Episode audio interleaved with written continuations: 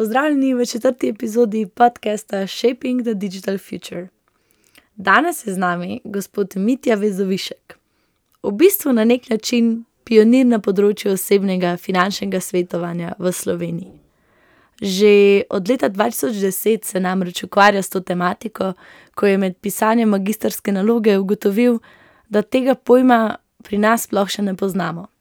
Leta 2014 sta potem skupaj z ženo Ano uresničila svoje vizionarske misli in skupaj s partnerji začela graditi najbolj prepoznavno svetovalno hišo v Sloveniji.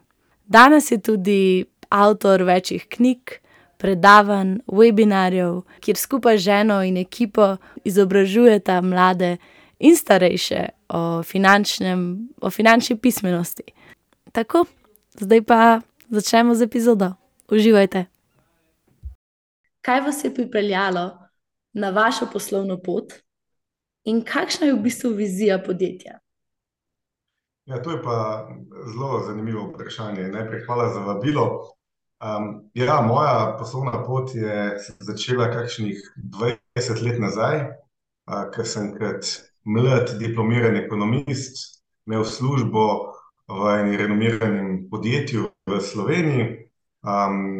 izhajam iz Zasavja, iz Hrastnika, in službo sem seveda iskal v Ljubljani, ne vem, zakaj. Študiral sem v Mariboru, službo sem iskal v Ljubljani in, na en razgovor sem šel, nas je bilo sto štirideset,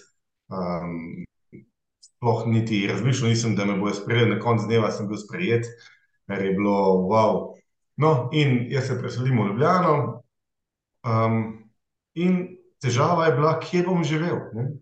treba je bilo najeti stanovanje, tista garsonjera, ki smo jo najela takratno partnerko, je bila toliko majhna, ne, pa toliko draga, ne, glede na moj zaslužek, da me je vodilo vprašanje, kako za vraga bom jaz prišel do stanovanja v Ljubljani. In odgovor je bil: "Ja, na takšen način zagotovo ne." Ne. Potem je moja mama, ki je bila takrat računovodkinja, no, še vedno je, sicer upokojena, sem jo vprašal najprej mamo: "Mami, kako bom jaz zdaj prišel do stanovanja, ne?" Je rekla: "Veš kaj, sem videla, da imajo tole nacionalno varčevalno stanovanjsko shemo, takrat je država v sodelovanju z bankami ponujala, daj začni varčevati, ne, pa po petih letih boš že prišel do tja." Torej jaz, priden, vzgojen, seveda začnem varčevati, ampak po enem letu jaz ugotovim, da no way, da bom jaz pet let varčeval pa potem kupil stanovanje, ma kje, niti za dvajset procentov pologa ne bom imel.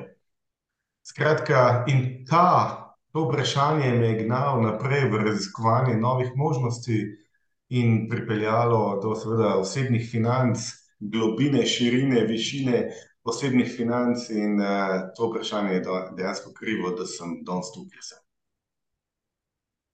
Se pravi, dvajset let nazaj so se mladi, spopadali s podobnimi težavami, kakor se mi zdaj. Verjetno, verjetno. Kar se tiče stanovanjske politike v Ljubljani, mislim, no. Tako, ja. Bistvene razlike ni, mogoče je zdaj še malo slabše, ne. To razmerje med prihodkom pa, pa dejansko, ceno stanovanj. Je pa res, da, zdaj mogoče mladi tudi, nekateri iznajdljivi, sposobni, tudi več zaslužijo, ne. Od, več možnosti je, vem, lahko delaš za tuje podjetje, lahko, vem, podcaste imaš, lahko Youtube snemaš videe in tako naprej. Takrat, smo imeli bolj standardne službe. Ja, to, to pa, to pa je res, ne, podjetništvo oziroma neka taka, kako se že reče temu, creative economy se je malo, razširila, ke omogoča, mislim, stranke so postale globalni konzumer, ne, ni več vezano čisto samo lokalno in je v tem smislu to lažje. in se pravi takrat nekako ste se začeli ukvarjati z, a se prav reče to upravljanje osebnega premoženja ali je to bolj finančno svetovanje, kako, kako se definirate? Ja, v Sloveniji, v Sloveniji nimamo prav dobrih izrazov. To, kar mi danes počnemo, mi rečemo, da smo specialisti za dolgoročno rast vrednosti premoženja. Da svojim strankam dejansko pomagamo pri tem, da svoje premoženje najprej zaščitijo, potem ga oplemenitijo in nad njim prevzamejo nadzor. V tujini imajo en uveljavljen izraz uh, za to, kar je naše podjetje, večina našega podjetja je, in to je wealth management. Zdaj, prevedi to v Sloveniji, mi smo prevajali, skaj prevodov, spravo wealth manager naj bi upravljalec osebnega premoženja, ne? ampak ta upravljanje se pogosto zamenjuje s tem, kar ljudje razmišljajo o upravljanju. Aha, se pravi, to pomeni, da Mitja, ti si tisti, ki ti dam denar in potem ti zbira za me naložbe in vedno je plus. Ne? Se pravi, to seveda ni upravljalci premoženja, so zaposleni običajno v družbah za upravljanje, ne, borzno-posredniških hišah, kjer pač upravljajo razne sklade, običajno, ne. Mi pa bolj skrbimo za to premoženje, da je pravilno, kot rečeno, zaščiteno, razprašeno, da prinaša neke stabilne donose in pa da imajo ljudje nadzor nad njim. Se pravi, ti, vi ste tukaj med, um, recimo, uporabnikom ali pa osebo, ki ima nek, uh, mislim, katerokoli osebo z svojim oh. dohodkom, potem pa so tukaj različni, ne vem, igralci, se pravi, borzne hiše, kripto, banke, ure, banke, Zavarovalnice in tako Mhm. naprej. In vi ste v bistvu kot nek taka oblak nad tem in skrbite, v bistvu skrbite za to, da, ima, da ima ta oseba vse, da, ka, šč, kamor da denar, da je ta denar položen premišljeno in nekaj skrbite, da je. Dejansko smo, smo neka vez med, Mhm. med finančno industrijo pa med posameznikom, ne, ki mu najprej seveda z njim definiramo njegove cilje, kaj si sploh želi, ker marsikje se zatakne prav tu, ne. in naredimo načrt, se pravi, določimo neko pot, ne, po kateri mora posameznik iti, da bo recimo prišel do stanovanja, ne, ampak ta sam načrt je mrtva črka na papirju, saj ga ne implementiramo. To pomeni, da potem pa rabimo finančne, finančno industrijo, finančne produkte, ne, ki jih moramo pa seveda pazljivo zbirati, da damo neki nabor produktov, ki je primeren za posameznika. In žal se ta, ali pa k sreči se to delo ne konča takrat, ne, je to tudi treba tudi spremljati in prilagajati, ker to je kot neki živ organizem. Ja, spreminja se verjetno tudi um, z življenjskim obdobjem, ki ga potem ta uporabnik Seveda. živi, ne. Um, Tako. zdaj ste že kar nekaj let na, na trgu, no. Ja, jaz letos praznujem, če bi tako rekel, svojo osebno dvajsetletno, dvajsetletnico delovanja na področju osebnih financ. Zdaj naša svetovalna hiša pa nosi uradni datum prvi sedmi dva tisoč štirinajst. A ne. No, pa to je že skoraj deset let, ne. Ja, kmalu bo desetletnica, ja, tako. Pravzaprav desetletnico že nestrpno čakamo, če sem zelo iskren. torej ste, a imate kakšne stranke, ki so z vami že od v bistvu samega začetka?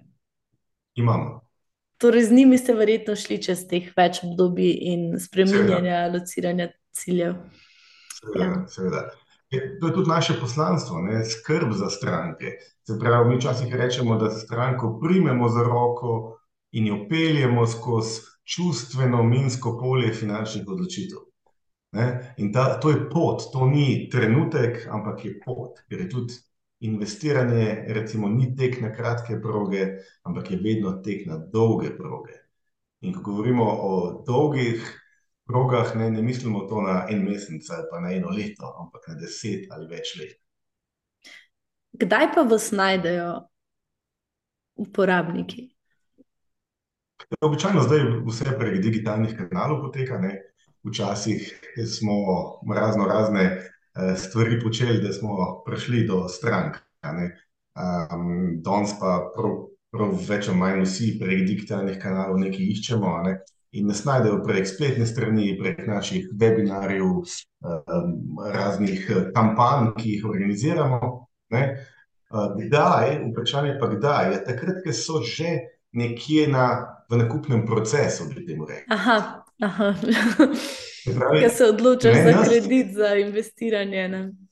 Ja, nas ljudje sicer zaznajo, ne, pa najdejo mogoče, ko še raziskujejo, vendar v tistem trenutku, tudi če jih mi kontaktiramo, seveda, običajno ni uspeha.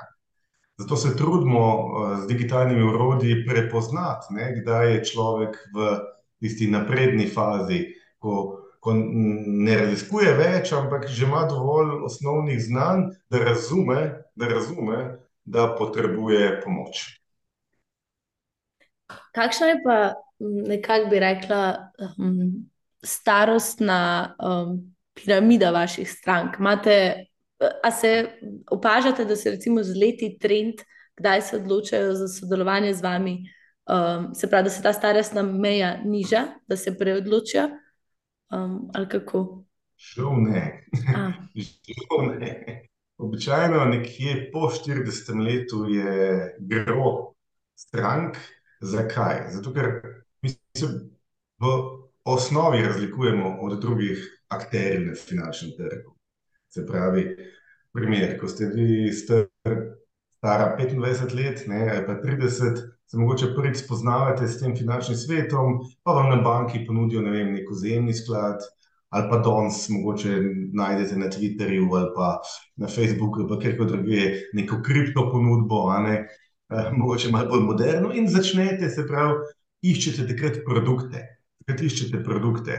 In dobite neke izkušnje, kupite kakšen Bitcoin, kupite kakšen sklad uh, in tako naprej. In potem traja nekaj časa, da spoznate, da kupovanje produktov ni prava pot. Ne?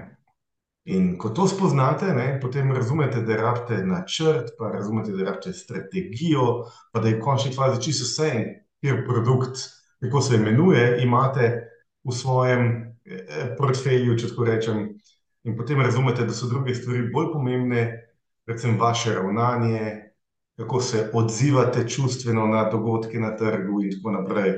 In takrat običajno eh, razumete dodano vrednost wealth managera. Ja, verjetno nismo še dovolj zreli, ker smo eh, mlajši. Pa pričakujemo, da se vse ful hitrejš odvije, pa zgodi. Pa še posebej s temi, uh, kako se reče, joj, kaj so bili ti GameStop. Ja, seveda, to so te mem stocks. Ja, to je. Ja, ja. Pač, mladi, pa se tudi nisem mladi, ne? tudi starejši, tudi mm. pričakujemo, vsi, da se nekaj zgodi takoj. Ne? Mi smo navajeni na social media fit mm. in, in smo navajeni, da se nekaj takoj zgodi in je aktualno dan, dva, tri. Ne? V svetu osebnih financ pa v dnevu dveh, treh, nešlo zgodi. Razen napak. Ja, pravzaprav v, v investiranju je pa lih to, ne? če ti gledaš neko krivuljo, če gledaš dovolj dolgo obdobje, je vedno gor, ne skoraj. Razen če gledaš napačne stvari, ampak ja, ja, okay. ne, ampak zanimivo je to, da ljudje, uh, ker internet pa digitalizacija naredila to, da včasih, ne vem, deset ali pa petnajst let nazaj, smo mi strokovnjaki bili nosilci informacij. To pomeni, teh informacij ni bilo za dobiti takoj. Danes mi nismo več nosilci informacij. Vse te informacije imam na Google. Je res, da, da jih je tri četrt nepreverjenih, ali pa mogoče malenkost napačnih, ne? Uh, ampak mi smo uh, kaj drugega danes postali. Mi smo dejansko postali generatori teh informacij, zbiramo vse skupaj, potrjujemo uh, pravilnost ali pa uh, uh, odločitve. No, in v bistvu sem se ravno na to želela navezati, uh, se pravi, vaše vsebine na spletni strani. Um, uh mhm. -huh. Zdaj, če greš ti googlati o wealth managementu, kako stvari delati, to pride tisoč in en YouTube tutorial, Discord skupine, posod je na TikToku, kjerkoli. Vi imate pa, mislim, prvo bi vas rada pohvalila, kako imate dobro digitalizirane uh, vsebine in orodje na spletni strani. Uh, kar mi je dal prvo misel, da imate mlado publiko, ne? Da se zelo, uh -huh. da mhm. se ukvarjate tudi, se mi zdi, da se vseeno ukvarjate s tem, da bi nekako premaknili to mejo, kdaj se odločijo sodelovati z vami že prej. Ne vem, mogoče. Absolutno. In hkrati pač po, pa ste neko preverjena, um, preverjen vir informacij z vašimi blogi, um, novičnikom, uh, ravno za Valentinovo. Uh, mislim, da so se ene, ki še en mesec nazaj naročila za, na vaš uh, e-mail newsletter. In me je presenetilo, da na Valentinovo dobiš en kup mailov od vseh možnih brendov. In vaš je bil prav zanimiv. Se pravi, gre za podjetje, ki se ukvarja s financami, pa praznik ljubezni. In zdaj v mailu je bilo pa prav ta konflikt med skupnimi, oziroma ločenimi financami in kaj pomeni v partnerskem odnosu, uh, kjerkoli od teh v bistvu odločitev. Kar me je res nasmejalo, pa, pa če dobre informacije so tako, ni, ni neki stratezvito. Um, Uh -huh. tako da me Je to zanima, naša ekipa je izkušena Ja. in zna, zna dobre stvari izbrati. Tako da vse pohvale našemu marketingu. kako pa to, da, da In- se, da se odločili vi kot founder podpreti tako komunikacijo v takem, kako bi rekla, tradicionalnem, pa lahko zelo konzervativnem segmentu. Ja. Ja, pravzaprav velike izbire nisem imel, če se malo pohecam. Namreč zato, je- je zadolžena moja žena, a, ne, s katero skupaj delava in sva ustanovila, oziroma vodila to podjetje skupaj z ostalimi partnerji. Ampak ja, um, mene, tudi če ne bi, ne bi imel nič proti dejansko. Um, to mi je način komunikacije, mi je blizu. Je pa res, da jaz kot um, um, svetovalec imam največkrat preveč strokovne besede in izraze. Ne? Ana je pa zelo znana po tem, da zna zelo strokovne stvari čist na običajen način razložiti. ne. No, se tudi vam ne gre tako slabo, ker uh, zdaj je bilo vse še zelo jasno in ni bilo nobenih žargonov in uh, Hvala. take utopičnosti. Um, to, se, to se, recimo, jaz prihajam pa iz marketinga in v marketingu to zelo radi um, neke akronime mečemo v krog, pa smo slišati Mhm. zelo pametni, uh, kar pa ni uh, vedno prav zelo fajn. Ja, Se mi zdi, da- Se mi zdi, da je to. Ja, kar povete. Ne, eh, pravim, da smo ugotovili že dolgo časa nazaj, da um, je nekako žalostno, da vso to stroko, ki, ki imamo znanje, um, dejansko tega ne smemo uporabljati pa na tak način komunicirati z javnostjo, strankami. Drugače nas nihče ne razume in edino, kar dobimo na koncu, je ne. Ja, ste pa slišati izjemno strokovni in da veste, o čem govorite. Včasih, ne, se veste, kako je ta nauk. Ne, um, da če znaš povedati, kot da bi razložil devetletniku ali pa m- majhnemu otroku, da potem pa res veš, o čem govoriš. ne. Um, Drži.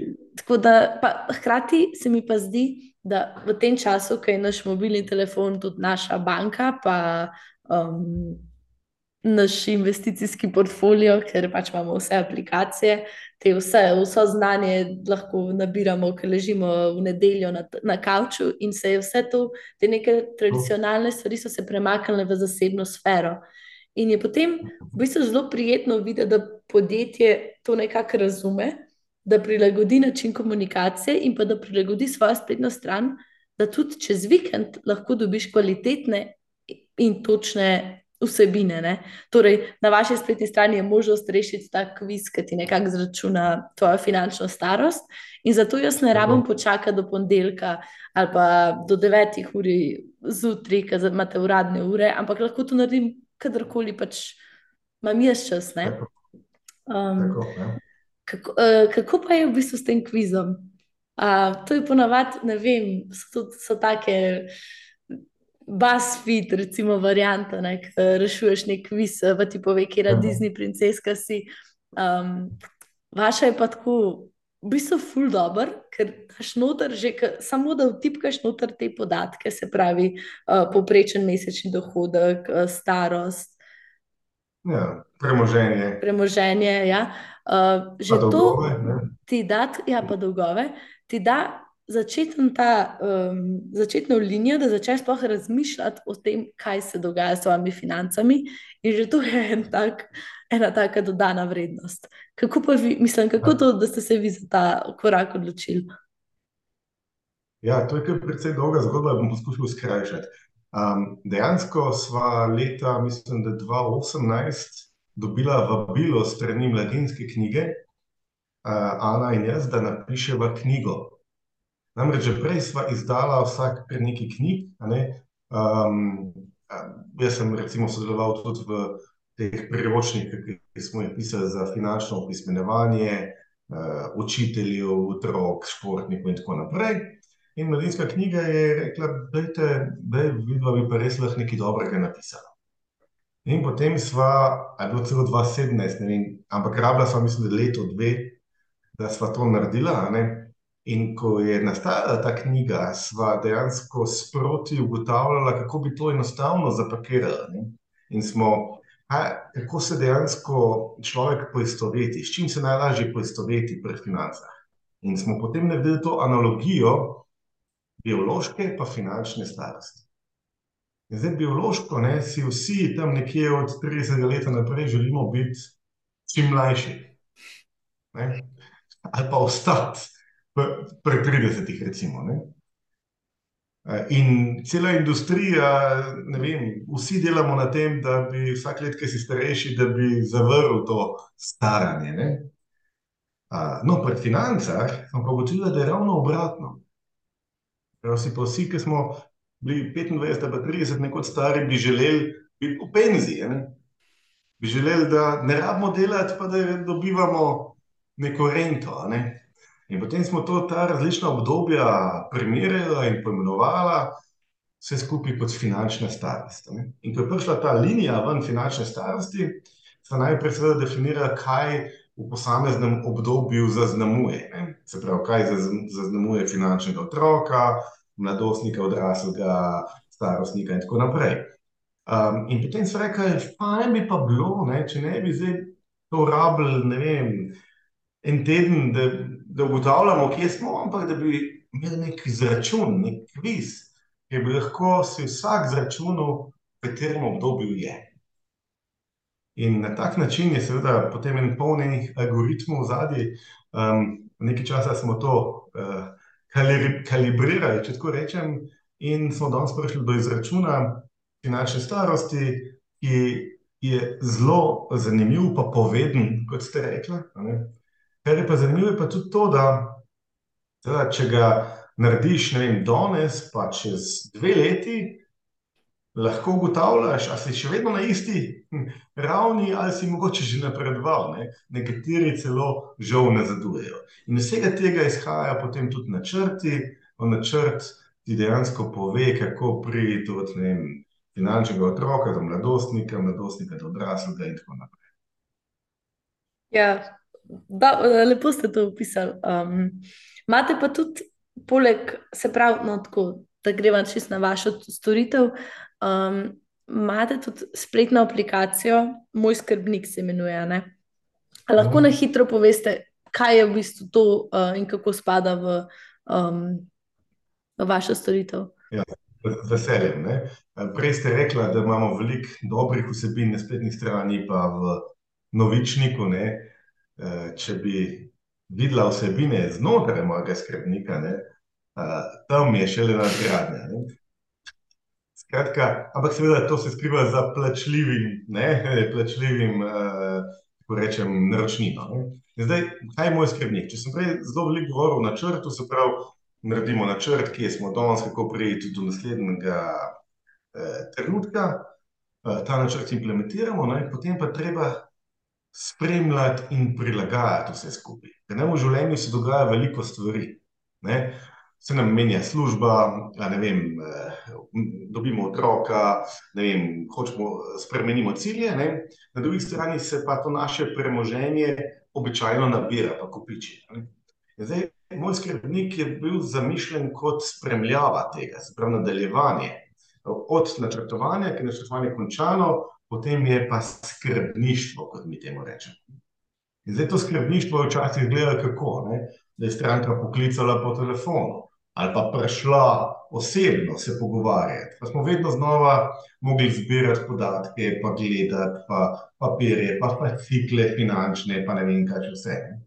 In pol smo nekje leta dva šestnajst, zopet rekli: "Pa čakaj, dajmo mi to malo digitalizirati, ne, dajmo mi to spraviti v aplikacijo, kjer bo kjer ne bomo vedno znova iste stvari stranko spraševali, ampak bomo imeli to digitalizirano, ne." In najprej je nastalo portfelj, smo naložbeni portfelj spremljali, ne.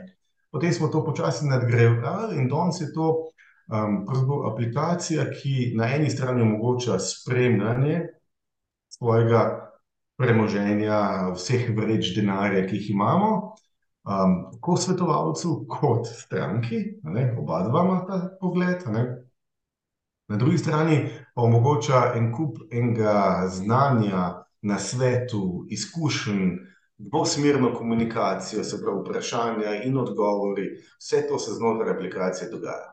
Imamo e-knjižnico, recimo, ne, recimo tudi tale podcast, upam, da bo lahko šel v, v, v našo e-knjižnico, ne, razne e-knjige, webinarje, potem uh, razne nasvete meseca, in pa ključna stvar je, kot rečeno, vprašanja in odgovore. Mhm. Se pravi, stranka kadarkoli postavi vprašanje in svetovalec odgovori. Ali pa svetovalec stranki predlaga, če bi nekaj spremenila, in stranka to potrdi, ali pa ne. Se pravi, gre res za nekakšno optimizacijo um, delovnih procesov, tudi strani zaposlenih, um, oziroma vaših internih um, procesov. Ne? Seveda, na eni strani imamo mi kot uh, podjetje oziroma svetovalci pregled nad stranko, ne, na drugi strani pa stranka pregled nad svojim premoženjem, uh, se lahko izobražuje in, kot sem rekel, postavlja vprašanje. Pa nekako se potem, uh, se mi zdi, da efektivnost, se pravi, da svetovalec dejansko se ukvarja s tem iskanjem najboljših rešitev, ne pa z neko administracijo, iskanjem podatkov. Se, ta, ta del se je potem verjetno zelo zmanjšal. Tako, tako, torej, verjetno, mislim, ste že zelo, kot podjetje, ste zelo zgodaj v bistvu prepoznali um, potencial, ki ga digitalizacija prinaša in dodano vrednost na trgu.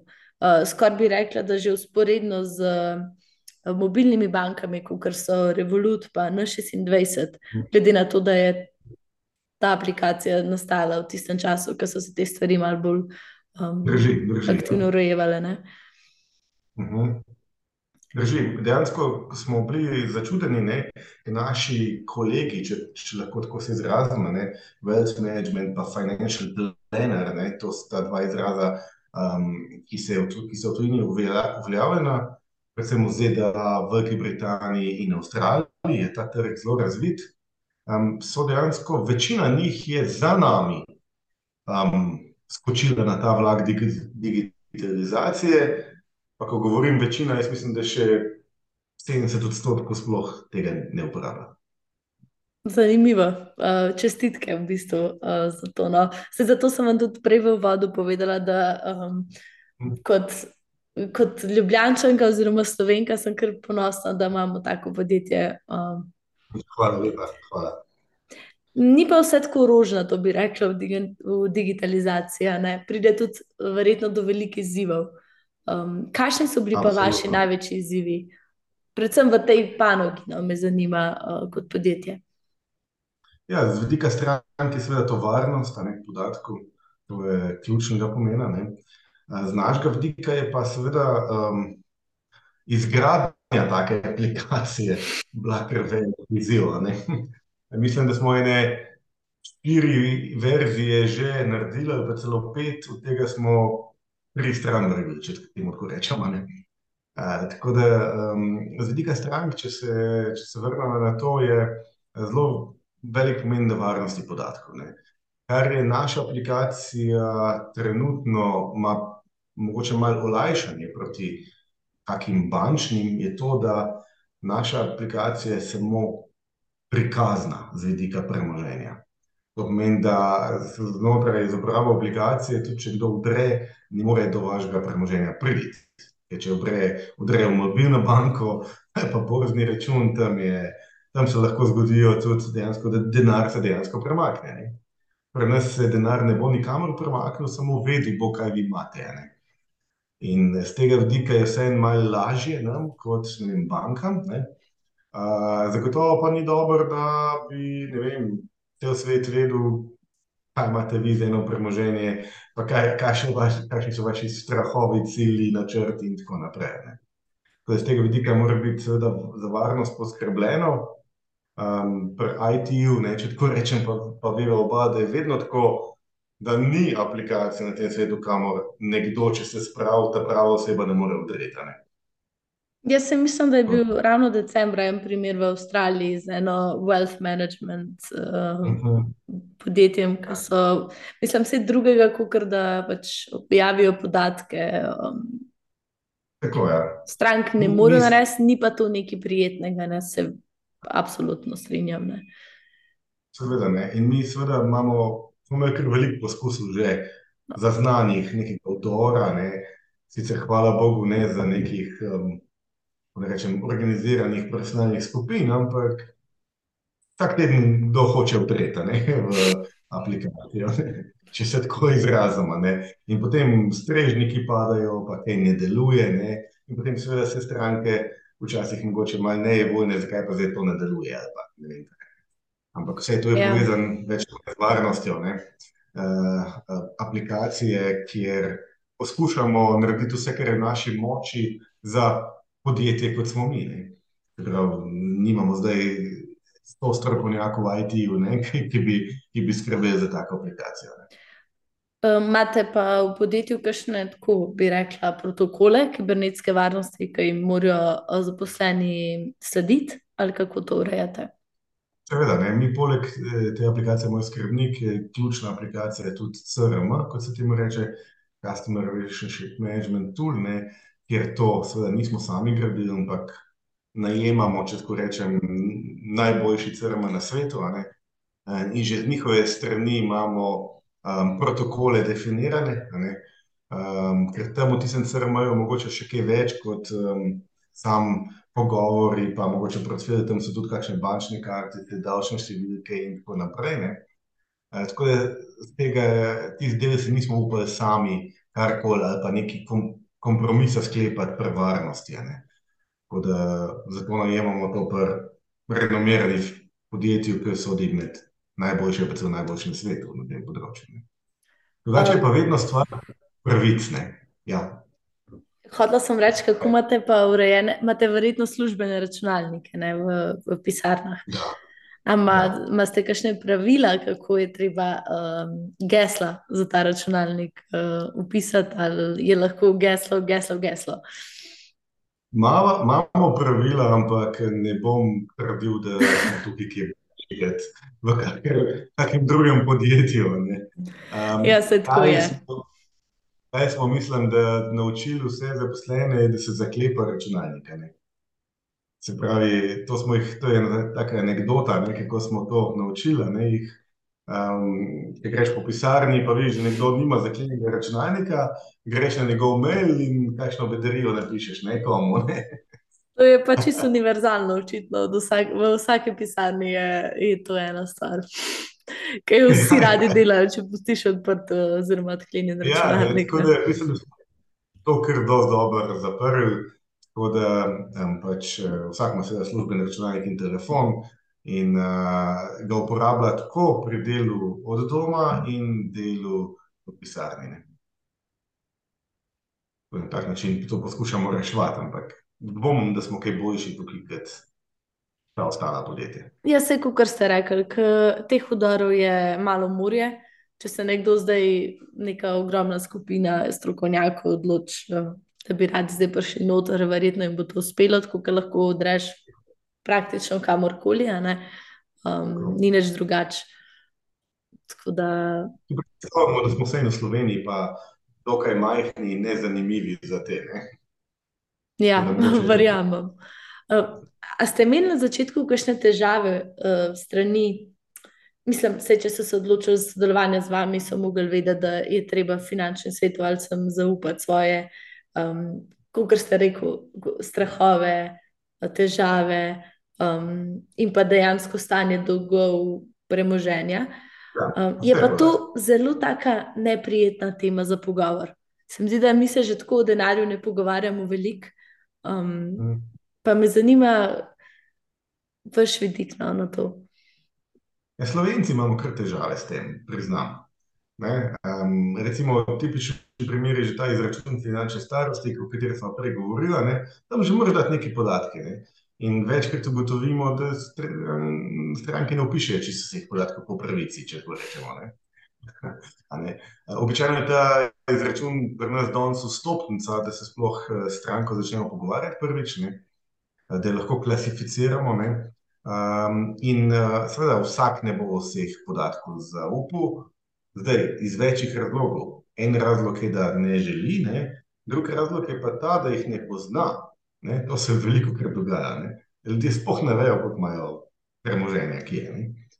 Um, kar se tiče pa težav, ja, seveda, mi smo zavezani, logični in tudi vsakem to jasno povemo z zakonom o varovanju osebnih podatkov, GDPR in vse te stvari. Um, in nekateri imajo, imajo težave s tem. Um, poskušamo to reševati z, na različne načine, z različnimi geslo, pošlješ po vem, SMS-u, podatke po mailu in tako naprej. Ne. Ampak ja, um, jaz mislim, da na splošno imamo Slovenci težavo, um, malo je ta finance, so malo tabune, sploh denarne. Um, tako da tukaj mislim, da imamo še veliko možnosti za izboljšanje. Iskreno pa bo verjetno še preteklo kar nekaj let, ali pa celo desetletji, da bomo se malo sprostili glede tega.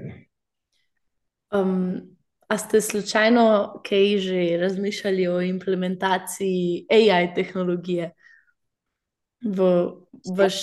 Veliko, veliko razmišljamo o tem, dejansko predvsem o mojem skrbniku, ne, um, bi, imamo jasno sliko, kako bi lahko implementirali in nam pomagali.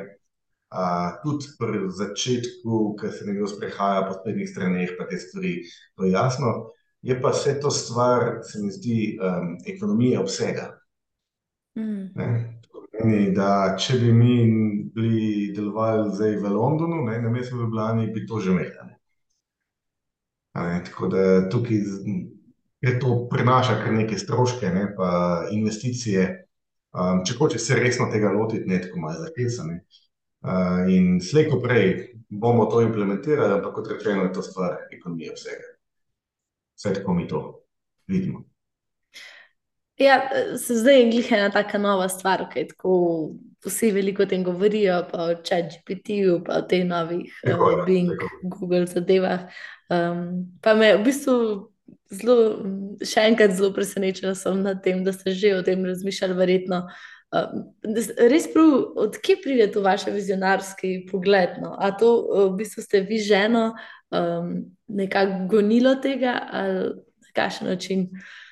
Ne vem, odkje, to bi težko povedal.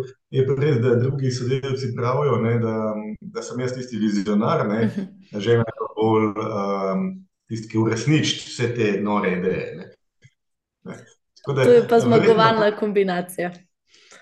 Se strinjam. Da. Verjetno je to tudi posledica potovanj, uh, malo širjenja obzori. Mi dva, ki smo recimo to podjetje ustanovili, je bila ena izmed zavest tudi to, da ne bomo gledali na um, dobiček, na prihodke, ne, ampak bo merilo uspeha število tednov dopusta ali pa ni nujno, da dopustite tudi potovanje, ki ga na leto lahko si prvošmo. E, in uh, radi, radi potujemo, ne, um, okolj, sicer danes v tej dobi je to enostavno, ne, korona je to nam pokazala, da lahko delaš od kjerkoli. Uh, tako da mislim, da je, da je to ima neki, neki veze s tem. Mhm. Potem pa mogoče se za zaključek eno tako odprto vprašanje za vaš vizionarski duh. Um, me zanima, če menite, da je v bistvu panoga uh, ali pa industrija finančnega upravljanja, svetovanja, kako koli temu rečemo, pripravljena na vse te tehnološke izzive desetletja. A se vam zdi, da bo v bistvu nekako preživeli najboljši, da se bo to popolnoma zavrtelo, da bo en tako ogromen shift? Kaj še imate vi pričakovanja? No? Ja, jaz mislim, da je pripravljen, kot kdo. Zagotovo bojo nekaterih več ne bo, bojo pa novi. Um, recimo za nas, če si predstavljamo malo, pa rečemo, da bo nek Microsoft ali pa Apple ali pa Google ponudil nek nekega finančnega svetovalca na pogon umetne inteligence. Ne? Um, si pa, sigurno bo to imel nek impact ne? um, tudi na našo industrijo. Zdaj, malo imamo verjetno sreče, ker živimo v Sloveniji, pa je tukaj slovenščina, pa tako naprej. Um, ampak vseeno to nas ne bo um, ne rečem, zaobšlo. Če pogledam deset let nazaj, vidim, da se je že v naši industriji precej spremenilo. Ne? Včasih so bili, kot rečeno, svetovalci tisti, ki so bili nosilci informacij. Ne? In uh, so bili tudi sales pitchi tako narejen, imam eno informacijo, zadeva se dobiti, vam bom razložil, ne, te, tega danes več ni. Um, se je ta naš shift spremenja, se pravi, um, vloga svetovalca ne, ni več v tem, da bo zdaj zbiral dokumentacije, pa, vem, pa informacije, pa to procesiral, ne, ampak se to že zbere. Ne. Ne, stranka že ima informacije, mi že imamo informacije o stranki in treba iz tega narediti neko dodano vrednost. Daj, mogoče je sreča za naš poklic ta, da je ena, ena izmed dveh ključnih težav, s katerimi se ljudje soočajo pri upravljanju s svojimi financami, so čustva. Ne? Druga, druga so pa stroški. Ne? Se pravi, pustimo to, da plačujejo previsoke stroške, običajno vsi. Ne? Druga je pa, da se čustveno odzivajo na dogodke na trgu in potem ravnajo ravno obratno, pa napačno, kot bi mogli reagirati. Ne? In zdaj ta čustva, pa umetna inteligenca, verjetno tukaj vsaj še nekaj desetletij ne, ne bo posegala, ne?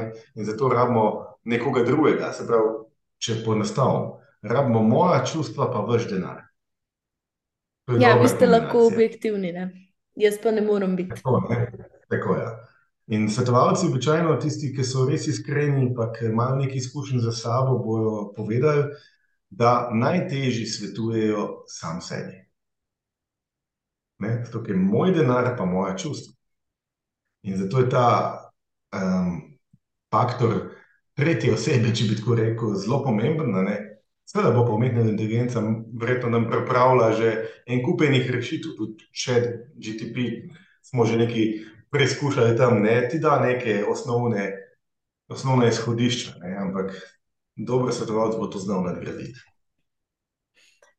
približno enako, kot v bistvu z mojim skrbnikom. Vse ste po eni strani takrat bi lahko se kdo ustrašil za svojo službo, da boste potem rabili manj svetovalcev, pa da ne, vem, da, da ne bo več tega osebnega stika svetovalcem, med svetovalcem in stranko.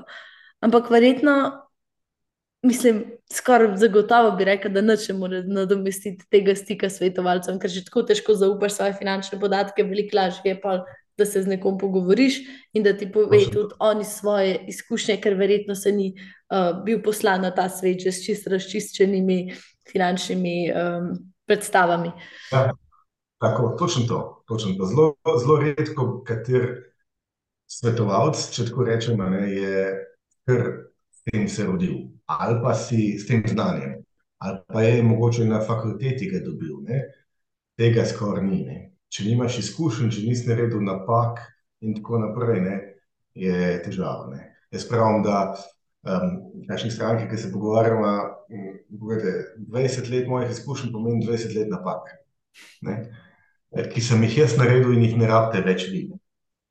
Če, ker vam lahko jaz povem, kako se jim izogniti. Ja. Kaj pa se pravi, ne, k, vedno, ko se neka tehnologija implementira, to pomeni, da ima, ima ta oseba, no, ne vem, recimo prvi svetovalec, ima en ničken manj dela z, neko, z nekim delom, ki je lahko avtomatizirano.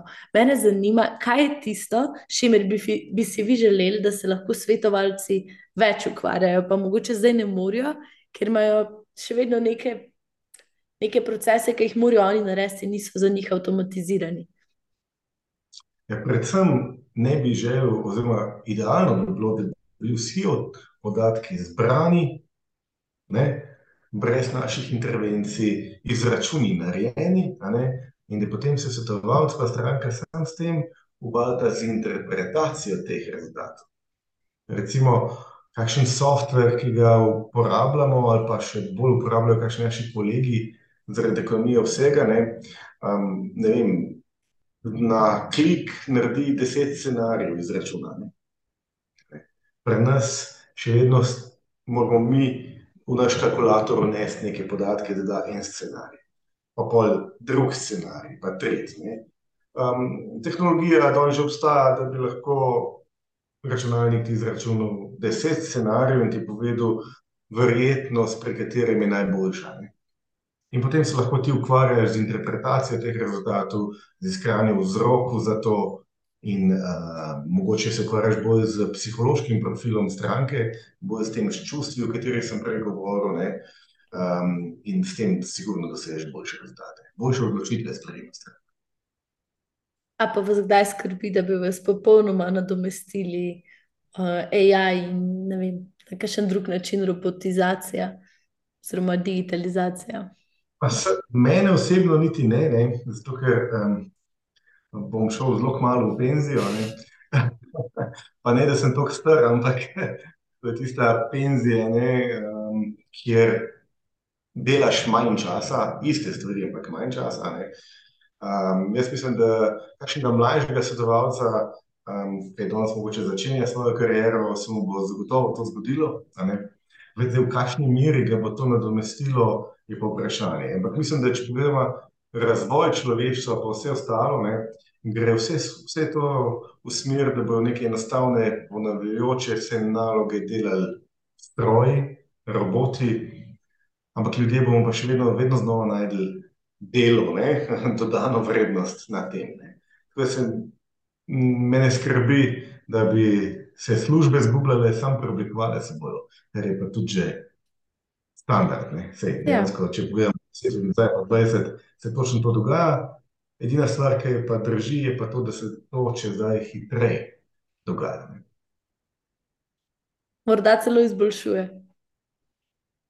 Če bi Zagotovo. bila, ja. Zagotovo, jaz mislim, da večina stvari gre v smer izboljšanja, včasih pa tudi človeštvo ne, zaide nekakšno stran pota. Ne. Um, to je pa žal neizbežno. Tako kot v podjetju, narediš kakšno napako ali pa razvijaš aplikacijo, vložiš leto v njo, ne vem, koliko tisoče, tisoče, tisoče evrov, in pa ugotoviš, da ni prava smer, in začneš od začetka. Ja, dobra misel eh, za zaključek. Um, mislim, da bo v opisu te epizode bojo na voljo vsi v bistvu povezave do vaše spletne strani in pa um, ja, če katerikoli izmed poslušalcev, če vzbudi dovolj zanimanja, da si pogledajo malo več. Najlepša hvala za vaš čas. Um, meni je bilo zelo prijetno, pa veliko sreče še v prihodnosti. Hvala enako.